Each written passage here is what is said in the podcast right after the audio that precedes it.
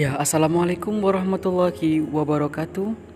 Alhamdulillahirabbil alamin. Assalatu wassalamu ala asrafil anbiya wal mursalin Wa ala alihi wa sahbihi ajma'in. Amma ba'du.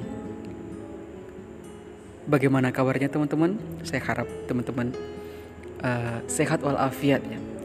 Walaupun di tengah pandemi corona 2019 yang belum usai Tapi semangat teman-teman harus tetap dijaga agar ibadah puasa Ramadan tahun ini menjadi ibadah yang sangat berharga dari tahun-tahun sebelumnya. Oke, baik teman-teman, malam ini kita akan membahas mengenai buku karangan dari Ah Syaiful A'la yang bertajuk Dosa-dosa suami yang paling dibenci oleh Allah sejak malam pertama.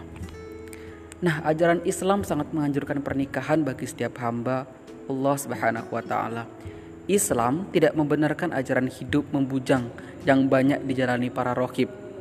Allah menegaskan dalam Al-Quran dalam surat An-Nisa ayat 3 Kawinlah wanita-wanita lain yang kalian senangi Dua, tiga, atau empat Kemudian jika kamu takut tidak akan dapat berlaku adil Maka kawinlah seorang saja Quran Surat An-Nisa ayat 3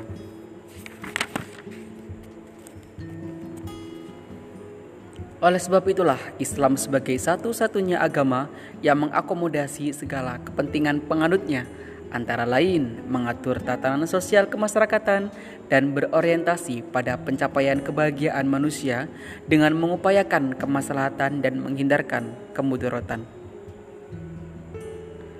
Dalam Quran surat Al-Baqarah ayat 228 dijelaskan bahwa dan para wanita mempunyai hak yang seimbang dengan kewajibannya menuntut cara yang ma'ruf akan tetapi para suami mempunyai satu tingkatan kelebihan daripada istrinya.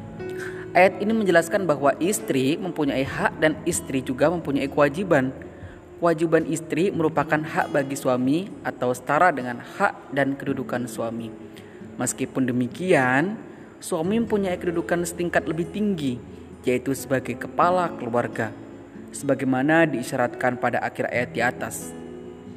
Adapun kewajiban suami terhadap istrinya, yang pertama yaitu menggauli istrinya secara baik dan pantas. Hal ini sesuai dengan firman Allah dalam surat An-Nisa ayat 19. Lalu yang kedua apa? Yang kedua yaitu menjaga dari segala sesuatu yang mungkin melibatkannya pada suatu perbuatan dosa dan maksiat atau ditimpa oleh suatu kesulitan dan mara bahaya.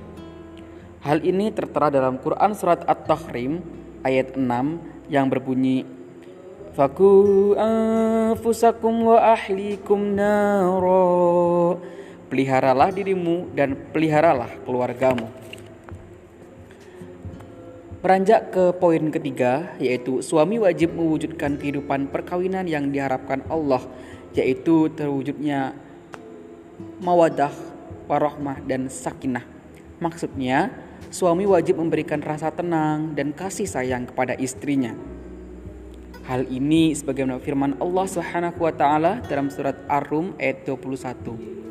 Dan di antara tanda-tanda kekuasaannya ialah dia menciptakan untukmu istri-istri dari jenismu sendiri supaya kamu cenderung dan merasa tentram kepadanya.